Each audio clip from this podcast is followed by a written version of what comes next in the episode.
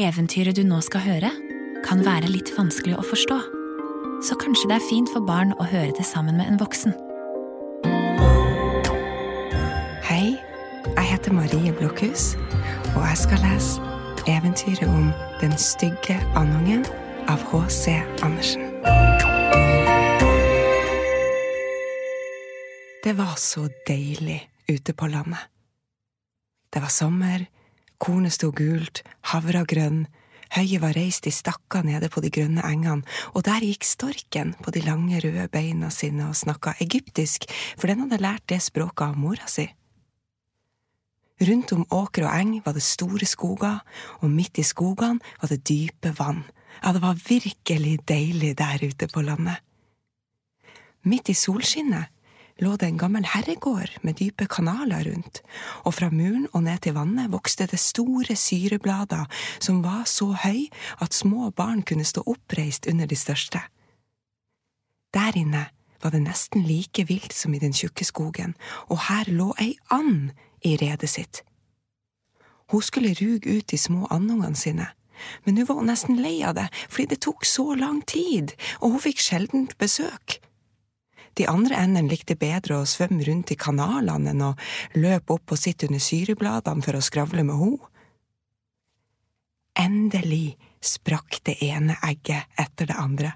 Pip, pip, sa det, alle eggeplommene hadde blitt levende og stakk hodet ut. Kvakk, kvakk, sa hun, og så kvekka de så godt de kunne og så seg rundt i alle kanter under de grønne bladene, og mora lot dem se så mye de ville, for det grønne er jo godt for øynene. Å, så stor verden er, sa alle ungene, for de hadde jo ganske mye mer plass nå enn da de var inne i egget. Tror dere at dette er hele verden? sa mora. Den strekker seg helt til den andre sida av havet, rett inn i prestens gård, men der har jeg aldri vært. Men nå er vel alle sammen her? Og så reiste hun seg opp. Nei, jeg har ikke alle, det største egget ligger der ennå. Hvor lenge skal dette vare, nå er jeg snart lei av dette. Og så la hun seg igjen. Nå, hvordan går det? sa ei gammel and som kom på besøk. Det tar så lang tid med det ene egget, sa Anna som lå, det vil ikke gå hull på det, men nå skal du få se de andre. Det er de skjønneste andungene jeg har sett, alle sammen ligner på faren sin, det fjolset kommer aldri å besøke meg. La meg se på det egget som ikke vil klekke, sa den gamle, det kan være at det er et kalkunegg. Jeg ble også narra sånn en gang, og jeg hadde mye sorg og nød med de ungene, for de er redd for vann, skjønner du. Jeg fikk dem ikke uti. Jeg kvekka og nappa, men det hjalp ikke. La meg se egget. Jo, det er et kalkunegg. La det bare ligge, du, og lær heller de andre barna å svømme. Jeg vil ligge på det litt mer allikevel, sa Anna. Når jeg har ligget så lenge, så kan jeg ligge ei lita stund til. Ja, vær så god, sa den gamle Anna, og så gikk hun. Endelig revna det store egget. Pip, pip, sa ungen og velta ut. Han var så stor og stygg. Anna så på han. Det der var da ei forferdelig stor and, sa hun, ingen av de andre ser sånn ut, det skulle vel ikke være en kalkunkylling? Nå, det skal vi snart få se, i vannet skal han, om jeg så må sparke han ut sjøl. Neste dag var det et velsigna deilig vær. Sola skinte på alle de grønne syrene. Annemor kom frem med hele familien sin nede ved kanalen. Plask, så hoppa hun ut i vannet. Kvakk, kvakk, sa hun, og den ene andungen plumpa uti etter den andre. Vannet slo over hodet på dem, men de kom straks opp igjen og fløt så vakkert. Beina gikk av seg sjøl, og de var alle uti, sjøl den stygge, grå ungen svømte med. Nei, det er ingen kalkun, sa hun. Se så pent han bruker beina, og hvor rak den holder seg, det er min egen unge. I grunnen er den jo ganske skjønn når man bare ser ordentlig på den. Kvakk, kvakk, kom nå med meg, så skal jeg føre dere inn i verden og vise dere i andegården, men hold dere alltid i nærheten av meg så ingen trår på dere, og pass dere godt for kattene. Og så kom de inn i andegården. Det var fryktelig mye støy der inne, for det var to familier som sloss om et ålehode, men så fikk katta tak i det. Ser dere? Sånn her er det i verden, sa Annemor og slikka seg om nebbet, for hun ville også ha et ålehode. Bruk nu beina, sa hun. Vis at dere kan kvekke dere, og bøy halsen for den gamle Anna der borte, hun er den mest betydningsfulle av alle her, hun er av spansk blod, og det er derfor hun er så stor. Og ser dere at hun har en rød klut om beinet? Det er virkelig praktfullt, og den største utmerkelsen noen and kan få, for det betyr nemlig at man ikke ønsker å miste henne, og at hun skal kjennes av både dyr og mennesker. Kvekk dere! Ikke beina sammen, ei veloppdragen and setter beina hvitt fra hverandre, akkurat som far og mor. Se der! Nei nu med halsen og si kvakk. Og det gjorde de. Men de andre endene som sto rundt om, så på dem og sa ganske høyt Å nei, se, nå har vi fått ei slekt til, akkurat som det ikke var mange nok her allerede, og fy så stygg den andungen ser ut, han har ikke noe her å gjøre. Og straks fløy and bort og beit den i nakken. La ham være, sa mora, han gjør jo ikke noe. Nei, men han er for stor og rar, sa Anna som beit, og derfor skal han tas. Mora har skjønne barn, sa den gamle Anna med kluten om beinet. Alle sammen er skjønne, bortsett fra den ene der, den har hun ikke vært heldig med, jeg skulle ønske hun kunne gjøre den om igjen. Det går ikke, Deres nåde, sa Annemor. Han er ikke skjønn, men han har et inderlig godt gemytt og svømmer like vakkert som noen av de andre, ja, kanskje til og med litt bedre. Jeg tror at han vil vokse skjønn, eller at han med tida blir litt mindre. Han har ligget for lenge i egget, og det er derfor han ikke ser helt bra ut. Og så pirka hun han i nakken og glatta på fjærene. Han er dessuten en hannand, sa hun, så det gjør ikke så mye. Jeg tror han blir stor og sterk og vil klare seg godt. De andre andungene er nydelige, sa den gamle. Lat nu som dere er hjemme, og finn dere et ålehode, kan dere gi det til meg. Og så var de som hjemme men den stakkars andungen som hadde kommet sist ut av egget, og som så så fæl ut, ble bitt og puffa og gjort narr av, og det både av endene og hønsene. Han er for stor, sa de alle sammen, og en kalkunhane, som var født med sporer og derfor trodde at han var keiser, pusta seg opp som et fartøy for fulle seil, gikk rett opp i ansiktet på han, og så pludra den og ble helt rød i hodet. Den stakkars andungen visste verken hvor den skulle stå eller gå, og den var så trist for at den så så stygg ut og var til skam for hele andegården. Sånn gikk den første dagen, og siden ble det verre og verre. Den stakkars andungen ble jaga av dem alle sammen, sjøl søsknene hans var slemme mot han, og de sa alltid bare katta ville ta deg, ditt fæle spetakkel, og mora sa hadde du bare vært langt borte, og enderen beit han, og hønsen hakka han, og jenta som skulle gi dyrene mat, sparka til han med foten. Da løp han og fløy bortover gjerdet. De små fuglene i buskene for forskrekka til værs. Det er fordi jeg er så stygg, tenkte andungen og lukka øynene, men allikevel løp den av sted. Så kom den ut i den store myra hvor villenderen bodde. Der lå den hele natta, den var så trøtt og sorgfull. Om morgenen spratt villenderen opp, og de så den nye kameraten sin, hva er du for en? Spurte de, og andungen snudde seg til alle sider og hilste så godt den kunne. Du er skikkelig stygg, sa villenderen, men du kan være hos oss allikevel, bare du ikke gifter deg inn i familien vår. Den stakkaren, han tenkte jo ikke på å gifte seg, han ville bare ha lov til å ligge i sivet og drikke litt mosevann. Der lå han i hele to dager. Så kom det to viljes, eller rettere sagt villgasser, for det var to hanner. Det var ikke lenge siden de hadde kommet ut av egget, og derfor var de ganske freidige. Hør, kamerat, sa de, du er så stygg at jeg liker deg. Vil du bli med og være trekkfull? I nærheten eh, er det ei anna myr med noen søte, fine viljes, de er ugift alle sammen, og sikkert villige til å svare kvakk. Der vil du ha heller med deg, så stygg som du er.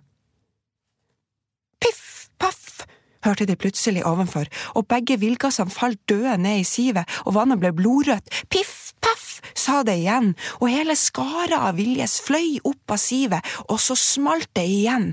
Det var stor jakt, og jegerne lå rundt om myra. Ja, noen satt også oppe i trærne, som strakte seg langt utover sivet. Den blå røyken gikk som skyer inn mellom de mørke trærne og hang hen over vannet. I gjørma kom jakthundene.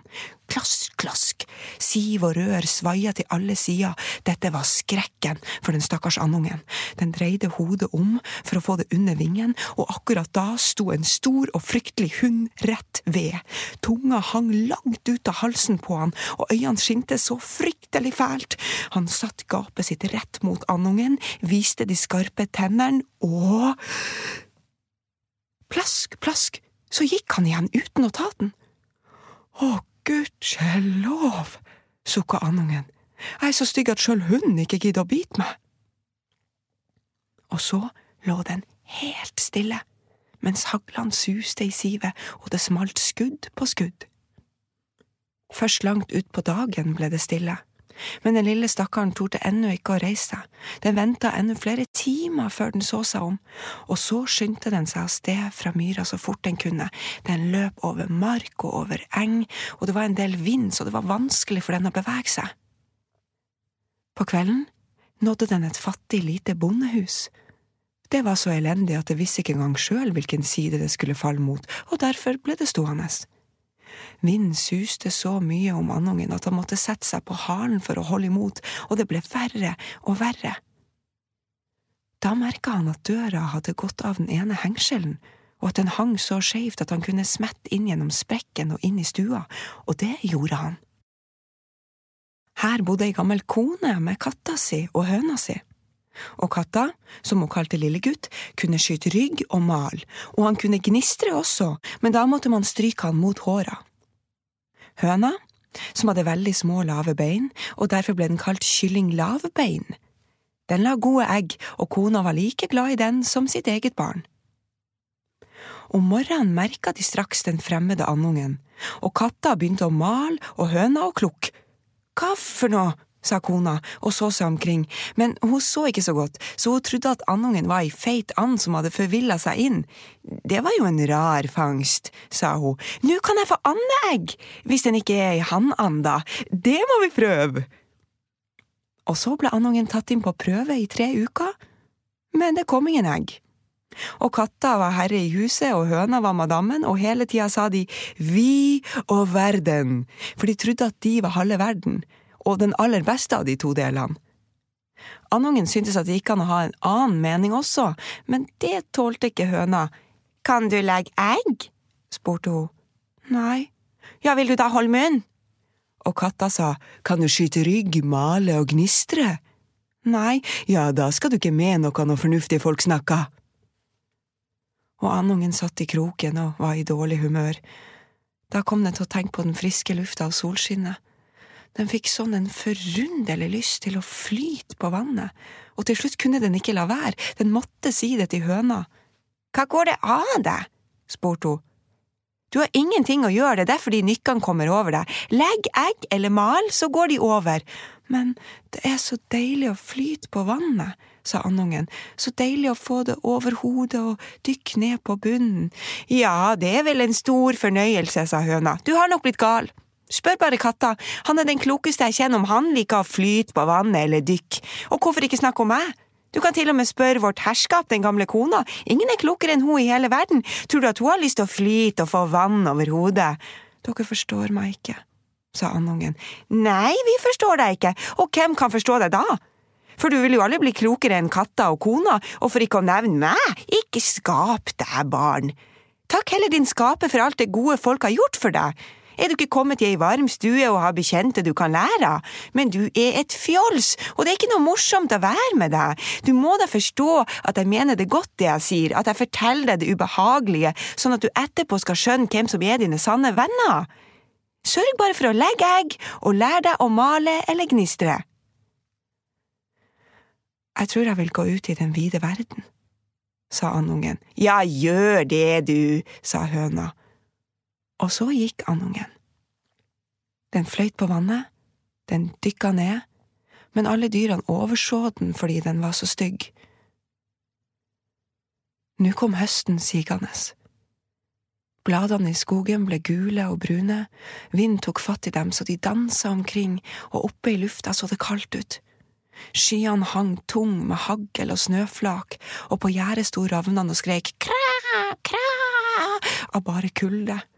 Ja, man kunne virkelig fryse når man tenkte på det, den stakkars andungen hadde det riktignok ikke godt. En aften sola gikk så velsigna ned, kom det en hel flokk vakre, store fugler ut av buskene. Andungen hadde aldri sett noen så vakker. De var helt skinnende hvite, med lange, smidige halser. Det var svaner. De laga ganske forunderlige lyder, bredde sine prektige, lange vinger ut og fløy bort fra de kalde engene til varmere land, til det åpne sør. De steig så høyt, så høyt, og den lille andungen ble så forunderlig i humøret. Den dreide seg rundt i vannet akkurat som et hjul, rakte halsen høyt opp i lufta etter dem og utstøtte et skrik så høyt og forunderlig at den ble helt redd av det sjøl. Åh, den kunne ikke glemme de vakre fuglene, de lykkelige fuglene og så snart den ikke så dem lenger, dukka den helt ned til bunnen, og da den kom opp igjen, var den nesten helt ute av seg. Den visste ikke hva fuglene kaltes, ikke hvor de fløy hen, men allikevel elska den dem mer enn den noen gang hadde elska noen. Den misunte dem slett ikke, for hvordan kunne det falle den inn å ønske seg en sånn skjønnhet? Den ville være glad bare enderen ville ha tålt å ha den blant seg, det stakkars stygge dyret og vinteren ble så kald, så kald. Andungen måtte svømme rundt i vannet for å hindre det fra å fryse helt til, men hver natt ble hullet hvor den svømte mindre og mindre, det frøys så det knakte i iskorpa. Andungen måtte bruke beina hele tida for at vannet ikke skulle lukke seg, men til slutt ble den trøtt og la seg helt stille og frøys fast i isen. Tidlig om morgenen kom en bondemann. Han så den gikk ut og slo isen i stykker med treskoen sin og bar den så hjem til kona si. Der ble det liv i den igjen. Barna ville leke med den, men andungen trodde at de skulle være slemme med den, og for i forskrekkelse rett opp i melkefatet sånn at melka skvulpa ut i stua. Kona skreik og slo hendene ut i været, og da fløy den opp i trauet hvor smøret var, og så ned i meltønna og opp igjen, den så nu ikke ut, og kona skreik og slo etter den med ildklemmer, og barna løp hverandre over ende for å fange andungen, og de lo så de skreik. Det var godt at døra sto åpen. Ut for den imellom buskene i den nyfalne snøen, der lå den, akkurat som i dvale. Men det ville blitt altfor sørgelig å fortelle om all den nøden og elendigheten den måtte gå gjennom i løpet av den harde vinteren. Den lå i mosen i sivet da sola igjen begynte å skinne varmt. Lerkene sang, det var deilig vår.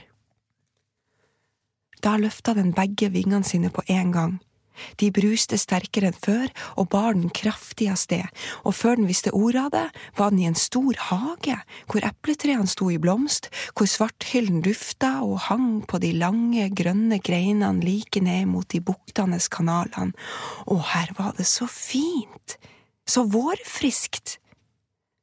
Og rett foran, ut av tykningen, kom tre vakre, hvite svaner.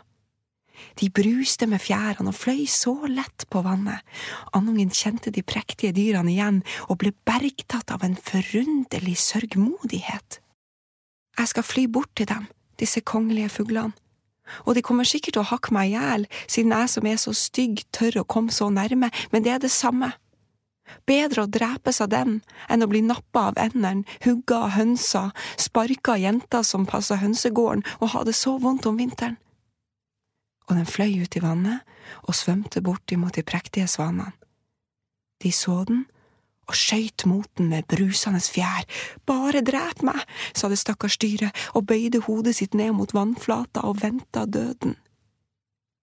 Men hva var det den så i det klare vannet? Under seg så den sitt eget speilbilde Men den var ikke lenger en ussel, sortgrå fugl, stygg og fæl. Den var sjøl en svane. Det gjør ikke noe å være født i andegården, bare så lenge man har ligget i et svaneegg. Den følte seg ordentlig glad over all den nøden og motgangen den hadde opplevd. Nå forsto den seg virkelig på den lykke og alt det vidunderlige som hilste den og de store svanene svømte omkring den og strøyk den med nebbet. I hagen kom det noen små barn. De kasta brød og korn ut i vannet, og den minste ropte Der er en ny! Og de andre barna jubla med Ja, det har kommet en ny! Og de klappa i hendene og dansa rundt. Så løp de etter far og mor, og det ble kasta brød og kake i vannet, og alle sammen så sa de Den nye er den peneste, så ung og så vakker, og de gamle svanene neia for den. Da følte den seg helt unnselig og gjemte hodet bak vingene. Den visste ikke sjøl hvorfor. Den var bare så altfor lykkelig, men slett ikke stolt, for et godt hjerte blir aldri stolt. Den tenkte på hvordan den hadde blitt forfulgt og forhatt, og nå hørte den alle si at den var den vakreste av alle fugler, og svarthyllene bøyde greinene sine helt ned i vannet til den, og sola skinte så varmt og så godt. Da bruste fjæra dens. Den slanke halsen heva seg, og av hjertet jubla den. Så mye lykke drømte jeg ikke om, der var den stygge andungen.